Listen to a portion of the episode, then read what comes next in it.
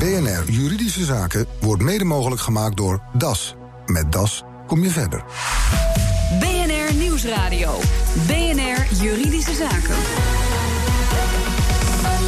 Ronald Olsthoorn. Goedemiddag en welkom bij BNR Juridische Zaken. Traditiegetrouw rond oud en nieuw een bijzondere gast. De baas van het Openbaar Ministerie, voorzitter van het College van Procureurs-Generaal, Herman Bollaar. Van harte welkom. Dag. Ehm, we beginnen het jaar, de terugblik op 2016, altijd een beetje positief. Ehm, wat was uw hoogtepunt, juridisch gezien dan? Ja, het, het, woord hoogtepunt vind ik eigenlijk niet zo passen bij ons werk. Wij zitten in de sfeer van eh, opsporen van strafbare feiten, voorkomen daarvan, slachtofferzorg. Dat zijn altijd ernstige dingen, ingrijpende gebeurtenissen met veel menselijk leed. Er zijn wel zaken die, eh, die me het afgelopen jaar erg zijn bijgebleven. Ontmoetingen met slachtoffers, nabestaanden van, eh, van geweldslachtoffers. De jaarlijkse ontmoeting die we daarop hadden, altijd heel erg indrukwekkend. Het onderzoek en de presentatie van, van de MH17-ontwikkelingen. erg, erg komen we straks nog even over te spreken. komen ongetwijfeld op terug. Maar ook grote strafzaken zoals de Utrechtse serieverkrachter, het liquidatieproces, passage. Dat loopt ook nog door. Dat zijn eigenlijk toch wel momenten die, die je heel erg bijblijven. Dat is een reeks en als u er toch eentje zou moeten uitpikken? Dan vind ik toch de MA17 een, een, een heel indringende bezigheid die, die ons echt indringend met, met, met de grote ramp eh, in contact heeft gebracht. En waar we een heel intensief onderzoek op doen, zoals u weet. Lastig dus om te spreken over hoogtepunten dan wel dieptepunten. Maar wat viel er in 2016 echt tegen? Een domper voor het OM. We hebben in 2016 eh, erg ons, eh, erg ons best gedaan uh, om een, een, hele zware crisis die we het jaar daarvoor hadden meegemaakt, namelijk de, de, de, de, moord eh, rondom eh, mevrouw Els Borst en. Ehm, en ehm, en, de fouten die zich gemaakt ja, zijn. Ja, de fouten die, daar, eh, die daar gemaakt zijn. En, en, en die zaak die heeft ons erg bezig gehouden in termen van, van, van verbeteracties. En de relatie tussen straf en zorg bijvoorbeeld, rondom de opvang van verwarde personen verbetering van, uh, van, uh, van, van de DNA-verwerking in, in spooronderzoek is, is heel belangrijk geweest. Daar is de commissie Hoekstra toen aan de pas gekomen, die heeft die aanbevelingen gedaan. Dat heeft ons het afgelopen jaar heel erg bezig gehouden. En dat is eigenlijk dus een reactie op datgene wat er het jaar ervoor is gebeurd. En, en, en kunnen we dan nu zeggen dat zulke soort fouten niet meer nog een keer gebeuren? Dat, dat, is altijd, uh, dat is altijd een hele hachelijke zaak om dat uh, te durven beweren. Maar we zijn veel beter uh, geprepareerd op, op die aansluiting tussen, tussen straf en zorg. De, de samenwerkingsrelatie met de, met de GGZ met name is erg verbeterd. Wat er natuurlijk op gericht is om diegenen die intense aandacht behoeven... omdat ze een, een, een, psychisch probleem hebben en daardoor mogelijk gevaarlijk zijn... dat het bekend is bij degenen die zich daarmee moeten bezighouden. Dat is ook het Openbaar Ministerie, maar dat is ook de, de, de psychiatrische zorg... en degene die even eventueel voor een rechtelijke machtiging voor opname moeten zorgen. Die samenwerkingsrelatie is, uh, is, is nu veel beter uh, ingericht. En uh, dat betekent dat we geprepareerd zijn. Veel en het is ook nodig, want het is ook een steeds nou ja, grotere bedreiging eigenlijk voor de samenleving dus en, en de veiligheid. Nou, we zien eigenlijk dat, uh, dat die problematiek van verwarde personen, dat, dat, uh, dat het toch om grote aantallen mensen gaan die die, die die aandacht nodig hebben. En wat we natuurlijk niet moeten hebben, is dat natuurlijk in, in, in, deze, in, in deze crisis heel duidelijk naar voren komt met afschuwelijke gevolgen. Is dat ook, ook de familie aandringt op opname. En uiteindelijk het resultaat is dat iemand toch te lang op, op vrije voeten blijft, verstoken blijft van zorg. Maar dat ook in de afwikkeling van de strafbare feiten, zoals we gezien hebben, eigenlijk te veel aarzeling zat met de fatale gevolgen die we allemaal uh, hebben moeten meemaken, helaas. We dachten eigenlijk dat dit toch ook uh, een van uw dieptepunten geweest zou zijn. Kortom, het kabinet heeft het Openbaar Ministerie geen andere mogelijkheid geboden dan mij te vervolgen. De officieren van justitie zijn in dit proces dan ook geen vertegenwoordigers van een onafhankelijk OM, maar de handlangers. De handlangers van dit kabinet.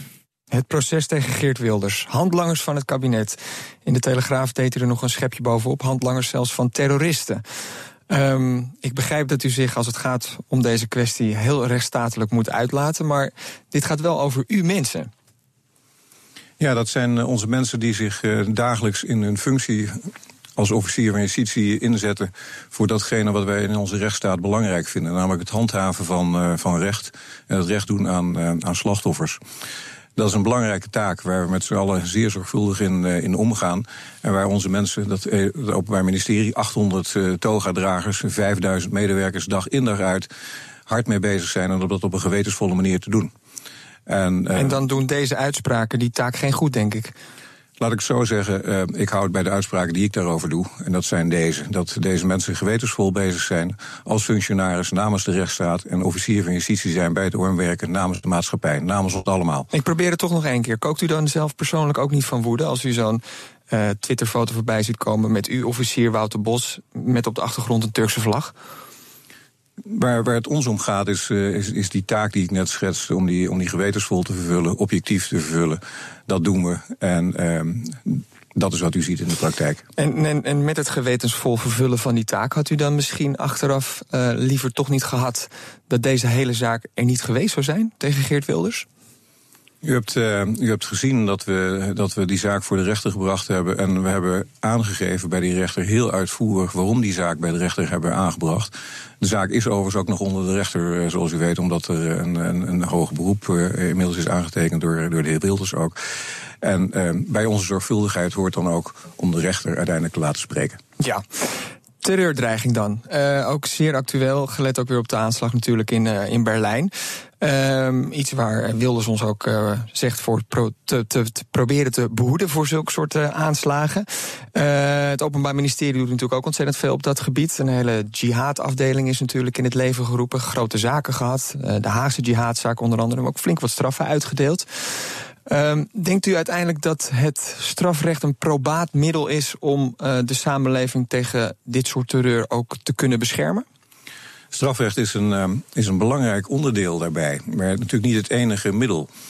Maar je moet bij ernstige dreigingen en bij ernstige strafbare feiten, aanslagen al helemaal, maar ook uh, zaken die te maken hebben met mogelijk de voorbereiding daarvan, of mensen die uitreizen of terugkomen en daardoor gevaar kunnen vormen voor de maatschappij, niet aarzelen om zo nodig met, met zware straffen en vrijheidsbeneming op te treden. Dat en heeft u daarvoor voldoende instrumenten of zou u wettelijk gezien dat instrumentarium nog wat willen uitbreiden? Nee, daar hebben, we, daar hebben we zeker voldoende instrumentaria voor, omdat uh, wij al in een hele vroege fase kunnen optreden. En dat hoort ook bij het voorkomen van, uh, van, van vreselijke dingen. En schiet, schiet dat instrumentarium ook te ver door, zoals de Raad uh, van Europa onlangs constateerde? Want er is dus die integrale aanpak jihadisme, die al sinds 2014 proberen we die wetten door de Kamer te krijgen. Sommige dingen gaan best ver. dan wordt er eigenlijk op basis van vermoedens worden al best vergaande maatregelen doorgevoerd tegen verdachten, zoals contactverboden of zonder tussenkomst van de rechter iemands paspoort afpakken. Um, denkt u wel, als we het over rechtsstatelijkheid hebben, dat het die toets allemaal doorstaat? Nou, noemen we een aantal dingen die niet allemaal uh, tot de verantwoordelijkheid van, van ons behoren. Uh, wij, wij concentreren ons natuurlijk op het strafrechtelijke onderzoek en, en, de, en, de, en, de, en de reactie erop de vervolgingskant. Uh, dan hebben we inderdaad hele zware bevoegdheden. Maar die hebben we natuurlijk niet voor niets gekregen. Die overigens altijd ook uh, onder controle van de rechter staan als, uh, als we ze toepassen. Ja, niet altijd dus. Uh, zeker wel. De, de, bevoegdheden van het OM waarbij je inbreuk maakt op de, op de rechten van een ander... zijn eigenlijk altijd ter controle van de rechter... of zelfs ook vooraf moeten ze getoetst worden door de rechter. Als we zaken in beslag nemen of, of zoekingen doen. Um, maar je moet het altijd in relatie zien tot mogelijke zeer ernstige strafbare feiten uh, die uh, in het verlengde daarvan kunnen liggen. Iedereen zal van ons verwachten dat als er een zeer ernstige dreiging is met, met, met zeer zware wapens of explosieven, dat we er dan bovenop zitten en bij alles doen wat we bij machten zijn om te voorkomen dat het gebeurt. En als het gebeurd is, dan moet er natuurlijk heel zwaar op gereageerd worden. Dat is ons vak. Ja, maar kun je daar dan uiteindelijk aanslagen mee voorkomen? Of is dat ook een utopie? En moet je eigenlijk in die zin veel meer aan preventie doen, dus zorgen dat je die mensen echt in beeld hebt? En komt u eigenlijk te laat in beeld als Openbaar Ministerie? Wij, uh, ik zei het al, strafrecht is natuurlijk niet het uh, enige middel. Het gaat om heel veel dingen. Het gaat om er vroeg bij zijn. Het is heel belangrijk wat we in Nederland gelukkig ook zien... dat de politie in de haarvaten van de samenleving actief is. De wijkagent. Uh, het kan ook gaan om schoolwerk en inkomen. Om diegenen die dreigen af te, af te geleiden vroegtijdig te bespreken. Daar hebben we vormen van casusoverleg voor met alle betrokken instanties. Gemeentes zijn daar natuurlijk heel actief op en heel belangrijk. Dus die preventiekant, zoals u terecht aangeeft, is enorm belangrijk om er vroegtijdig bij te zijn. Op de rails houden van degene die we wel op de rails willen houden, bij de maatschappij houden. En degene die dat in gevaar brengen of ronduit uh, daar uh, uh, gevaarlijk op zijn. Ja, uiteindelijk moet daar ook helaas soms strafrecht aan te pas komen om in te grijpen daar waar er ingegrepen moet worden. Heeft u genoeg geld om al die taken die wij aan u, van u verlangen, om die ook naar behoren uit te voeren? In ons werk is er altijd een enorme spanning tussen, tussen vraag en, uh, en aanbod. En uh, die vraag van genoeg geld staat altijd in relatie tot wat je redelijkerwijs moet doen om uh, van betekenis te zijn met het, met het strafrecht. Gelukkig hebben we daar steun op gekregen van, van, van het kabinet. We hebben, we hebben moeilijke jaren achter de rug. We hebben zwaar moeten bezuinigen, ongeveer 25 procent. dat is bij ons altijd gepaard gegaan, ook met het doorzetten van vernieuwingen.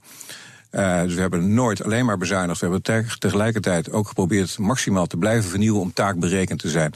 En ik vind dat we op dit moment uh, redelijkerwijs goed in staat zijn om te doen. Maar u, u vroeg uh, in, de, in 2016 op een zeker moment om 40 miljoen. Het is structureel iets van 13 miljoen geworden. Er zit nog wel een gat tussen. Dus ik kan me toch weer voorstellen dat bepaalde taken het kind van de rekening worden. Ja, we moeten altijd keuzes maken daarin. Dat, uh, dat hebben we nu ook gedaan. En, en, die, en, en welke keuzes maakt u? En, en, de ja. keuzes die we gemaakt hebben is, is zo effectief mogelijk te worden en te bezuinigen. Onder andere zwaar te bezuinigen op onze, op onze huisvesting, op onze overhead-achtige taken. Dus het kon wel wat minder. En het, het, het, het, moest, het moest minder en het kon ook hier en daar wat effectiever. Als u mij vraagt, kijk eens naar de toekomst.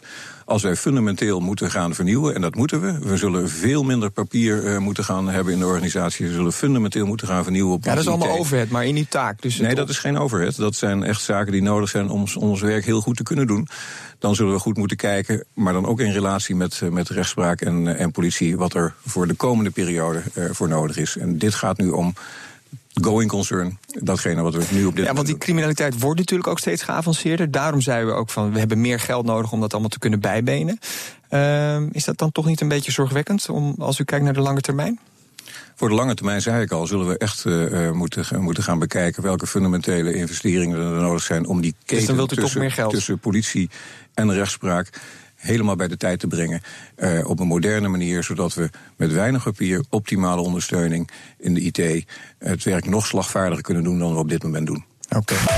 Straks kijken we ook natuurlijk nog even vanuit naar 2017, maar ook nog weer even terug, bijvoorbeeld naar de jacht op de daders van de aanslag op vlucht MH17. BNR Nieuwsradio. BNR Juridische Zaken. Bij ons nog steeds Herman Bollaar, de voorzitter van het college van procureurs-generaal, oftewel de hoogste baas van het OM. We hadden het al over Wilders, bezuinigingen en jihadisme. En we gaan het ook nog hebben over de jacht op de daders van de aanslag op de MH17. Maar we hebben natuurlijk ook luisteraars en onder hen ook advocaten. Uh, zoals die van Willem Holleder, Sander Jansen, die ook nog eens gepromoveerd is uh, op de kroongetuigenregeling. Uh, en hij heeft een prangende vraag voor u. Mijn vraag aan meneer Bollaar. Waarom verzet het Openbaar Ministerie zich tegen het door de onafhankelijke rechter laten toetsen van getuigenbeschermingsafspraken. En dan gaat het over de onderzoeksrechter, niet de rechter op de zitting. Ja, dat is dus een vraag over die kroongetuigenregeling. Sander Jansen vindt eigenlijk, rechter kijkt natuurlijk wel naar de betrouwbaarheid van die kroongetuigen, maar dat de hele deal integraal, ook als het gaat om de afspraken over de getuigenbescherming, eh, strafvermindering, et cetera, dat daar ook eens door uh, een onafhankelijke rechter, zei het, de onderzoeksrechter en rechtercommissaris, dat daar ook naar gekeken wordt. Wat vindt u ervan? Nou, ik denk dat de essentie van, uh, van de vraag is: is er voldoende transparantie op wat we doen met kroongetuigenregelingen? En is er voldoende transparantie op de vraag Um, waar zit het onderscheid tussen datgene wat voor bescherming nodig is en datgene wat voor uh, de verklaring uh, en de bewijsvoering zelf nodig is?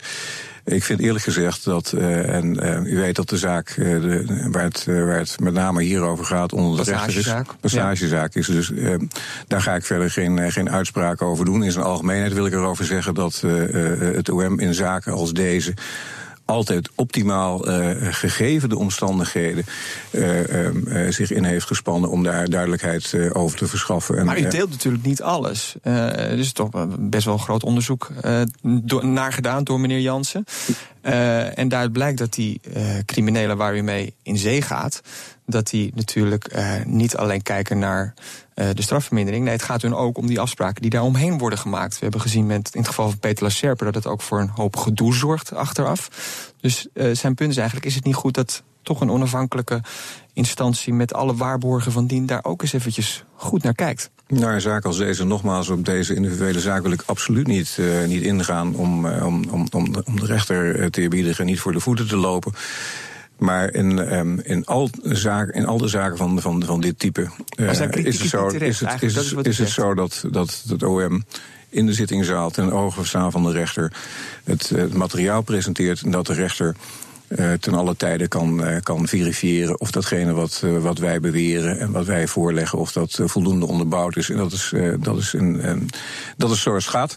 En um, um, in dat opzicht geloof ik eerlijk gezegd dat, dat wij daar zo transparant op zijn als de zaak toelaat. Oké. We gaan het hebben over de, de MH17. Uh, groot onderzoek naar verricht, ook door het Openbaar Ministerie in Nederland in samenwerking met andere landen natuurlijk.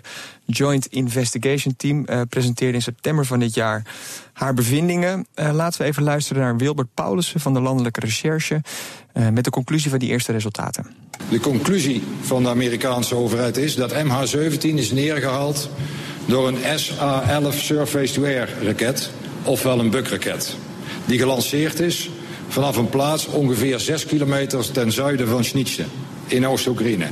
Dit is ook een enorme opgave geweest, denk ik. En nog steeds natuurlijk voor, voor uw organisatie. Ja, dit is een, eh, een, zaak natuurlijk een enorme impact, een nationale ramp. Uh, zoals, uh, zoals we nog niet eerder hebben meegemaakt. En een, en een ongelooflijk complex onderzoek in internationaal verband. Ook gegeven de situatie daar, daar ter plekke in, in de Oekraïne. En uh, de presentatie heeft ook duidelijk gemaakt dat, uh, dat er buitengewoon intensief uh, samen wordt gewerkt. En dat we in die samenwerkingsrelatie ook wel erg zijn opgeschoten met, met het reconstrueren van de vraag: wat is daar nou precies gebeurd? Dat is wat, wat gepresenteerd is op die, op die bijeenkomst waar we nu net een fragment. en waar staan we nu? Hebben. Nou, we staan nu uh, op, op het feit dat, uh, dat, zoals in die presentatie naar voren is gebracht, de, feitelijke constellatie uh, is, naar voren is gebracht. Met andere woorden, wat is er gebeurd? Ook wel een doorkijkje is gegeven op de vraag van wie, wie zijn het mogelijk, maar op, op het verder uitlopen van verantwoordelijkheden. En, uh, en de vraag hoe het in zijn, in zijn, uiteindelijk in zijn schuldpositie moet worden vastgesteld. Er zullen nog vele stappen verder op, uh, opgezet moeten worden. Ja, en, en ja, uiteraard zult u zeggen dat dat um, ooit zal gaan lukken. Maar dat lijkt me nou juist ook zo moeilijk. En dat weten we natuurlijk allemaal, die, die onderste steen boven. Uh, denkt u uiteindelijk echt dat degene die op dat knopje hebben gedrukt... of degene die het bevel daartoe heeft gegeven... dat die uiteindelijk in de rechtbank zullen belanden, ergens? Nou, we hebben eigenlijk steeds beloofd, en u hebt ook gezien uh, welke voortgang we daarop uh, op maakten. Daarom is zo uitvoerig geweest en eigenlijk ook heel open geweest, uh, zoals u hebt, hebt kunnen zien. dat wij ons inspannen om daar ons tot het uiterste toe, toe te brengen. En hoe dat uiterste er straks uit zal komen zien, dat, dat zullen we afwachten. Um, en, uh, dat, uh, en het uiterste maar, moet u zich af en toe juist inhouden, dat u al meer zou kunnen, meer weet. Maar dat u natuurlijk gelet op de politieke gevoeligheid van dit hele onderzoek, dat u zich juist moet inhouden? Nee, we houden ons niet in. Wij, eh, wij doen het maximale erop. En u hebt gezien, ook in die presentatie in september, die ook uitvoerend in de media is geweest. En het filmmateriaal, beeldmateriaal en de reconstructies die daar zijn geplaatst. Hoe dat maximale eruit ziet. En ik geloof dat iedereen uh, in dat opzicht, dat hebben ook wel teruggekregen, uh, onder indruk was wat, uh, wat er tot nu toe boven water is getild. Daar blijven we mee doorgaan. Hoe, hoe en daar hebben we geen enkele terughoudendheid op. En hoe was dat contact met de nabestaanden? Het gaat om deze zaak tussen het OM en de nabestaanden van de slachtoffers uh, van MH17? Nou, dat is heel, heel intensief geweest. Dat is heel betrokken geweest. Uh, politie en OM hebben zich ook steeds ingespannen om de nabestaanden als eerste kennis te laten nemen van, van de vorderingen en het onderzoek. Daar hebben zij natuurlijk recht op. Ook een heel belangrijke, zo niet prominente beweegreden om ervoor te zorgen dat het onderste steen boven komt ten behoeve van diegenen die slachtoffers hebben, te, hebben te betreuren in hun, in hun familie. En dat zijn er zeer vele, zoals u weet, ook in internationaal verband. Dus dat is ook voor ons een hele belangrijke reden om ons het, maximale te geven wat we in ons hebben. Om duidelijkheid te brengen in de vraag: wat is er gebeurd en wie zijn er verantwoordelijk voor? Mediation dan in het strafrecht. Een, een, fenomeen waar al een beetje mee geëxperimenteerd is de afgelopen jaren. was aanvankelijk geen extra geld meer voor. Toch is dat nog weer onlangs vrijgemaakt. Um, heeft u daar hoge, verwachtingen van? Dus dat u daden en slachtoffer bij elkaar brengt zonder dat dat uh, een zaak wordt die echt door een rechter wordt beslist? Ja, zeker. En die verwachtingen die blijken ook uh, gerechtvaardigd te zijn. Want in, uh, in, in, die zaken die we, die we tot nu toe gedaan hebben, blijkt ongeveer driekwart tot een succesvol einde te worden gebracht in, in die daden-slachtoffer vergelijking. En, en het tot overeenstemming komen over, over de vraag van hoe zouden we de zaak ook op een andere manier kunnen, kunnen afwikkelen dan alleen via het strafrecht. Dat is een belangrijk onderdeel. Want straf is één. maar herstel van betrekkingen is, is twee. En u weet dat wij de afgelopen jaren als OM ons veel meer ook voor, voor het slachtoffer hebben gepositioneerd. Als er een strafbaar feit is, is gebeurd, denk bijvoorbeeld aan huiselijk geweld of denk aan de problemen in, in echtelijke relaties, waar, waar kinderen vaak de dupe van zijn dan is het toch heel erg belangrijk dat we ook goed kijken, niet alleen van uh, hoe leg je een straf op, maar ook hoe zorg je ervoor dat mensen toch weer met elkaar uh, verder kunnen. En daar blijkt deze mediation uh, mogelijkheid ongelooflijk goed aan, aan bij te dragen, aan herstel van, van betrekkingen. Het ook buiten het strafrecht houden waar het mogelijk is. En het is tenslotte ook een wettelijke opdracht. In de wet staat dat het OM en politie zich moeten inspannen om te kijken of er tot een vergelijk tussen dader en, en slachtoffer en hoe beoordeelt, u, hoe beoordeelt u welke zaken hiervoor in aanmerking komen? Nou, dat doen we door um, um, uh, ook heel erg uh, contact te houden met het slachtoffer. En uh, ook het slachtoffer te betrekken bij, bij de vraag: zou je ervoor voelen om, om, om te kijken naar een andere mogelijkheid dan alleen een strafrechtelijk afdoen? Hebt u daar ook belang bij die vraag te stellen? En dat belang dat blijkt vaak duidelijk te zijn, omdat mensen ook de behoefte hebben om meer te weten over de vraag wie was het? Waarom heeft hij of zij het eigenlijk gedaan? En uh, is een straf dan hetgene wat, uh, wat echt bijdraagt aan de verwerking van het leed? Of zijn er ook andere mogelijkheden in de vormen van, van schadevergoeding, of het aanbieden van excuses, of een, of een aanpassen van de omgangsregeling met een kind? Uh, of als je, als je als buren elkaar in de haren vliegt, ja, en je blijft toch naast elkaar wonen, hoe zorg je er dan voor dat dat dat dat vorm van, van burencontact wordt waar je niet al te veel last meer van hebt. En het is maar de vraag of een straf dan bijdraagt, ja, bijdraagt aan een, een goede samenwerkingsverhouding. Maar komt, komt een dader op deze manier toch niet er soms wat makkelijker vanaf? Nee, dat geloven we niet, omdat uh, naarmate natuurlijk het, het, feit ernstiger is en de gevolgen ernstiger zijn, wij daar als openbaar ministerie ook gewoon onze eigen verantwoordelijkheid in houden en ook, uh, ook zullen nemen. Uh, straffen... Het is, wel, het, is wel, grappig dan eigenlijk dat we dan op deze manier misschien wel heel anders naar het strafrecht gaan kijken. Uh, want eigenlijk werkt het dus in sommige bepaalde uh, gevallen dus kennelijk niet. En kunnen we op een andere manier wel bereiken wat je zou willen bereiken. Nou, wat, wat het uitdagend is in het vak van officier van justitie, dat je je niet alleen afvraagt: kan ik snel straffen? Dat moet je je zeker afvragen. Of kan ik streng straffen? Dat is af en toe ook nodig. Maar de kernvraag is natuurlijk: heeft een straf zoveel mogelijk betekenis? Is die effectief? Uh, en in gevallen als deze, waar er ook een hele belangrijke relationele component tussen dader en, en slachtoffer kan zitten. Uh, mensen die in elkaars nabijheid wonen, die met elkaar moeten verder, verder moeten, zul je goed moeten kijken naar de vraag past die straf ook, laat maar zeggen, in het herstel van de betrekkingen, in het versteven van die betrekkingen, of kan die de betrekkingen juist op het spel zetten? En uh, dat is, dat is het, het, mooie en ook wel het uitdaging in ons vak, dat je met meerdere aspecten van het, uh, van het begrip straffen rekening moet houden. We zullen het weer uh, aandachtig in de gaten gaan houden in 2017. Ik wil u hartelijk danken voor uw komst naar de studio. U hoorde Herman Bolhaar, voorzitter van het college van procureurs-generaal. En dit was de uitzending voor vandaag. U kunt de show nog eens terugluisteren via bnr.nl/slash juridische zaken. Mijn naam is Ronald Olstorn. Tot de volgende zitting. BNR Juridische Zaken wordt mede mogelijk gemaakt door DAS. Met DAS kom je verder.